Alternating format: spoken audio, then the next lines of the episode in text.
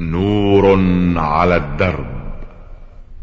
برنامج يومي يجيب فيه أصحاب الفضيلة العلماء على أسئلة المستمعين الدينية والاجتماعية. البرنامج من تقديم وتنفيذ سليمان محمد الشبانة. بسم الله الرحمن الرحيم. أيها السادة المستمعون السلام عليكم ورحمة الله وبركاته. ومرحبا بكم في هذا اللقاء الذي نعرض فيه ما وردنا منكم من أسئلة واستفسارات على سماحة الشيخ عبد الله بن محمد بن حميد رئيس المجلس الأعلى للقضاء. آه، في بداية لقائنا هذا نرحب بسماحة الشيخ ونشكره لإتاحة هذه الفرصة. ونشكركم أيضا. آه، سماحة الشيخ هذه الرسالة وردتنا من المجمعة ومقدمها خالد ناصر صالح. وفي الحقيقة تشتمل على ستة أسئلة وكلها عن الحج. لكن نظرا لما شرح في ظروفه أنه يأتيه بعض الأشخاص ويسألونه بعض الأسئلة نريد أن نورد بعض هذه الأسئلة ولو كانت عن الحج ونحن بعيدين عن الحج. يقول في سؤاله الأول حججت هذه السنة. أنا وعائلتي وأكملنا مناسك الحج ولله الحمد والمنة. ولكن لما نزلنا لمكة نطوف طواف الوداع وابتدأنا. مرض أحدنا بعد إكماله الشوطين. فعجز ولم يستطع إكماله. فسافر فسافرنا فماذا عليه بسم الله الرحمن الرحيم. يا أخ خالد ناصر صالح من المجمعة تقول إنك سافرت أنت وعائلتك بعدما أنهيتم مناسك الحج وطفتم طواف الوداع وأن أحدكم طاف طواف الوداع لم يكمله وإنما طاف شوطين منه فقط. ثم سافرتم فماذا على هذا الذي لم يكمل طواف الوداع؟ نقول لك يا أخ خالد عليه دم فإن من ترك طواف الوداع عليه دم لأن طواف الوداع واجب من واجبات الحج. وقد قال ابن عباس رضي الله عنه من ترك نسكا فعليه دم. فهذا الذي لم يتيسر له أن يطوف طواف الوداع يلزمه أن يذبح دم يوزعه على فقراء مكة ولا يأكل منه وهذا الدم هو المجزي في الأضحية. والذي لا يجزيه في الأضحية لا يجزيه عن طواف الوداع بل ولا عن غيره فيما لو ترك واجبا من واجبات الحج. والله أعلم. آه، في سؤاله الثاني يقول مات والدي في بلدة خارج المملكة وهو لم يحج حجة الإسلام. وأنا الآن في السعودية فهل يجزى أن أحج عنه من السعودية؟ مع العلم أنها تبرع مني لوالدي.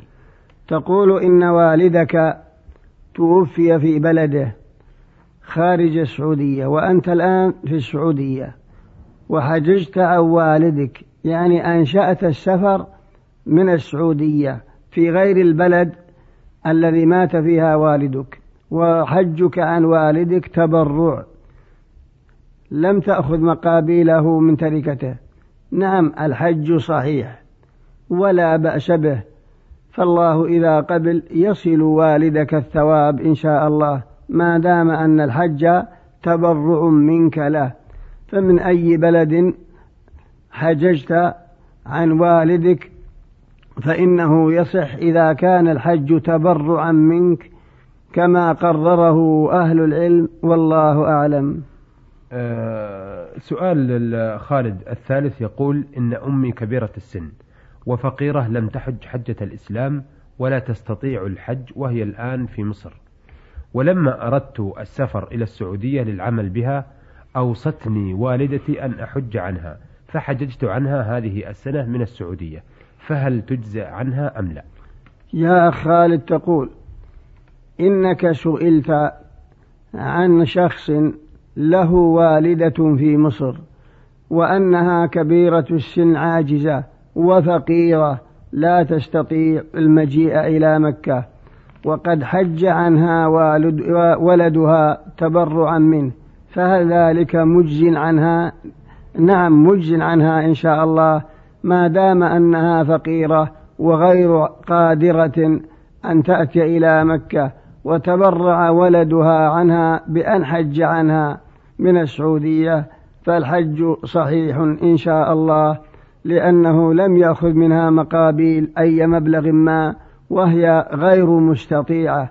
والله يقول ولله على الناس حج البيت من استطاع إليه سبيلا وهي لم تكن من المستطيعين إليه سبيلا فحج ولدها عنها من أي مكان مجز عنها إن شاء الله ولها الثواب من الله إذا قبل الله هذا الحج والله أعلم. أحسنتم. إذا آه، لو شخص أناب آخر وهو في السعودية والآخر مثلا في الكويت ودفع له نقودا هل تجزى الحجة أم لا؟ إذا دفع له نقود والمتوفى في الكويت والدافع في السعودية والحج واجب على الميت لا لا بد أن ينشئ السفر من الكويت. يعني من بلد المتوفى إذا كانت بلد المتوفى أبعد من بلد النائب والحج فريضة على الميت وواجب عليه بحيث أنه مستطيع في حياته. كأن يكون الإنسان غني وواجب عليه حجة الإسلام ومات في قطر أو في دبي أو في الأحشاء فلا يجوز أن يخرج عنه من تركته من يحج عنه من الرياض لأن الرياض أقرب إلى مكة بل ينشأ السفر من بلد المتوفى. أما إذا كان الحج نفل أو كان تبرعا فمن أي مكان أنشأ السفر؟ النائب فلا بأس به كما لو مات إنسان في قطر أو في دبي أو في الكويت. وأنشأ السفر عنه شخص من هنا بدون مقابل أخذه من تركة الميت أو أن الميت لم يجب عليه لفقره فهذا لا بأس به. كالمسألة المسؤول عنها قريبا والله أعلم. أحسنتم. آه سؤال خالد ناصر صالح من المجمعة الرابع يقول رجل أراد أن ينصرف من عرفة. بعد غروب الشمس ولكن لكثرة آه الزحام لم يستطع الوصول إلى مزدلفة إلا بعد طلوع الفجر يوم العيد فماذا عليه؟ هذا الذي لم يصل إلى مزدلفة إلا بعد طلوع الفجر عليه دم فإنه لا بد أن يذبح دما في مكة لأنه ترك واجبا من واجبات الحج ولا يعذر بتركه. اللهم إلا لو اشترط عند ابتداء الإحرام بأن قال وإن حبسني حابس فمحلي حيث حبستني فله شرطه. وإلا ما دام أن الأمر كما ذكرت فإن عليه دم. مثل المحصر فإن المحصر لا حيلة له ومع هذا لم يجوز له أن يتحلل إلا بدم أو صيام إذا كان عادما للدم كما قال الله تعالى فإن أحصرتم فما استمد فمن تمد فما استيسر من الهدي. فإن أحصرتم فما استيسر من الهدي ولا تحلقوا رؤوسكم حتى يبلغ الهدي محلة مع أنه معذور. وكذلك من ترك طواف الوداع لمرض ونحوه فإنه لا يسقط عنه. وإنما يسقط فيما لو ترك المبيت بمزدلفة أو بمنى لمرض نقل بسببه إلى المستشفى. على ما قرره العلامة ابن القيم في الهدي والإمام النووي وغيرهما والله أعلم. قياسا على ترك المبيت في حق السقاة والرعاة. نعم. آه، أيضا آه، بقي له من الأسئلة السؤال الخامس وهو يقول تعطلت سيارة أحد زملائنا في عرفات ولم يجد من يحمله حتى طلعت الشمس ماذا عليه؟ كذلك تقول يا خالد إن السيارة تعطلت بعرفة ولم تجد من يحملك فماذا عليك هذه الجواب عن هذه المسألة كالجواب عن المسألة التي قبلها سواء فإن عليه دم ولو كان معذورا في هذه الحالة إنما يسقط عنه الإثم أما الدم فلا بد منه والله أعلم. السؤال السادس والأخير يقول لما رميت الجمرة اليوم الثاني من أيام التشريق بعد الزوال أه حملت عفشي ولما ركبت سيارتي أه متوجها إلى مكة لطواف الوداع مسك نسرا وغربت الشمس وأنا في حدود منى لم أخرج منه. وأنا عزمي ونيتي السفر فدخلت مكة ليلا وطفت طواف الوداع وسافرت إلى بلدي فماذا علي؟ يا خالد تقول إنك حملت قشك وعفشك في سيارتك وذلك في اليوم الثاني عشر من ذي الحجة من منى. ولكن سارت بك سيارتك وغربت الشمس وأنت في حدود منى. فهل يلزمك البقاء أم عليك دم لأنك فارقت منى بعد غروب الشمس لم تفارقها إلا ليلا بحيث أن الشمس غربت وأنت في منى. نقول لك يا خالد لا شيء عليك. فقد صرح أهل العلم أن الحاج إذا شال عفشه مثلا وتهيأ للرحيل من منى وغربت الشمس وهو لم يفارقها له مفارقتها ولا شيء عليه. كما في سؤالك الذي سألت عنه والله أعلم. أحسنتم. نرجو إن شاء الله أن المستمع خالد ناصر صالح قد استمع إلى إجابات سماحة الشيخ عبد الله بن محمد بن حميد على هذه الأسئلة اللي تخص الحج وإن كنا بعيدين عن الحج لكن نظرا لإلحاحه ولأنه يقول إن هناك من يسألني هذه الأسئلة. آه هذه الرسالة وردتنا من خميس مشيط من محمد سعد الشهراني. يقول فيها إن لهم إمام معين من قبل الدولة يصلي بهم الفروض والجمعة والعيد لكنه لا يحضر في الشهر إلا مرة واحدة أو مرتين وإني أصلي بالجماعة الفروض والتراويح. وقد قال لي شخص إن الصلاة حرام عن الإمام ما لم آه، تأخذ منه وكالة. فهل هذا صحيح؟ وفقكم الله إلى ما يحبه ويرضاه يا أخ محمد سعد الشهراني من مشيط من خميس مشيط تقول إن عندكم مسجدا وفيه إمام يصلي بكم الجمعة والجماعة ولكنه كثير الغيبة لم يحضر في الشهر إلا قليلا وأنك تصلي بهم إذا غاب الجمعة والجماعة والتراويح وأن رجلا قال لك لا يصح أن تصلي بالناس إلا بوكالة من الإمام. نقول لك يا أخي محمد الإمام ينبغي أن يأذن لك لكن لو لم يأذن ولم يحضر جاز لك أن تصلي. فهل يعطل المسجد؟ وهل يبقى الناس بدون صلاة ولا من يؤمهم؟ إذا غاب الإمام ولم يوكل الحاصل أن صلاتك صحيحة إن شاء الله وإن لم يوكلك الإمام ما دام أنه غاب ولم يحضر فقد سقط آه، حقه. مع أن الأولى أنك تستأذنه ويأذن لك ثم لو لم يأذن لك وأنت أقرأ القوم وتأخر ولم يحضر في الوقت المعتاد جاز لك أن تصلي بهم ولو لم يأذن الإمام والله أعلم. أحسنتم. آه هذه الرسالة وردت من الخرمة من المرسلة فميم عين. تقول أود أن أطرح على سماحة الشيخ عبد الله بن حميد آه هذا السؤال. وهو أن أمي تزوجت من رجل قبل أبي وأنجبت منه ولدا واحدا. فقط. ورضع هذا الولد اللي هو أخي من أمي من امرأة أخرى مع بنت لها. وهذه البنت رضعت أمي أي أصبحت البنت أخت أخي من الرضاعة. هل تكون أختا لي؟ وهل يصح لي أن أكشف وجهي لأولادها باعتباري خالتهم ويكونون أبناء أختي أم لا؟ يا أخت فأيمن وأيم من الخرمة تقولين إن أمك تزوجها رجل قبل أبيك وقد جاءت منه بولد فطلقها ثم تزوجها والدك.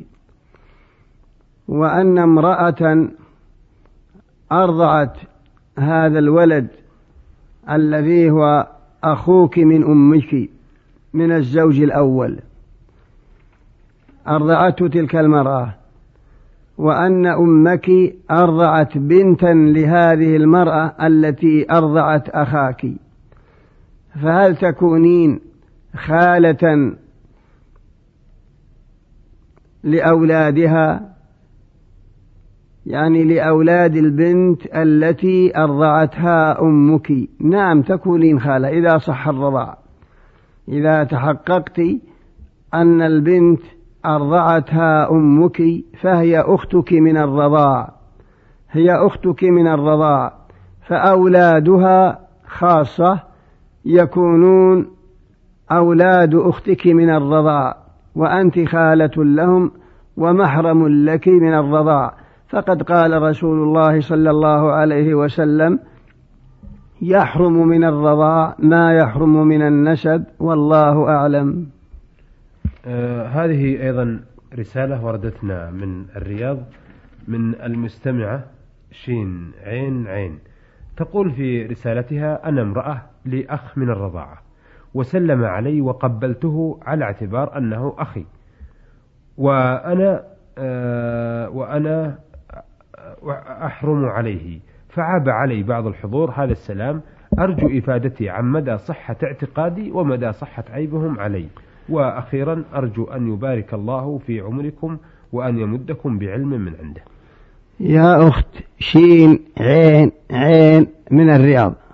تقولين إن لك أخا من الرضاعة وأنك قبلتيه لا ما يجوز لك يا أخت شين عين عين. أما أنه محرمك نعم. وأنك تفتشين له لا بأس. أما التقبيل فلا يجوز. أن تقبلي بفمك وتضعين فمك على فمه أو على خده حتى ولو كان والدك ولو كان أخوك يعني ولو كان أخاك هذا لا يجوز. فإن تقبيل المرأة مع فمها للزوج فقط. فلا يجوز للأب أن يقبل بنته مع فمها إذا كانت كبيرة ولا أن المرأة أيضا تقبل ولدها مع فمه. إنما يقبل الولد رأس أمه لا بأس. أو هي تقبل رأس ولدها. أو أنت تقبلين رأس أخيك من النسب أو أخيك من الرضاع أو أبيك من الرضاع. أما التقبيل بوضع الفم في الفم هذا لا يجوز لا في حق الأخ من الرضاع ولا الأخ من النسب ولا الأب ولا العم ولا الخال. إنما هذا خاص بالزوج.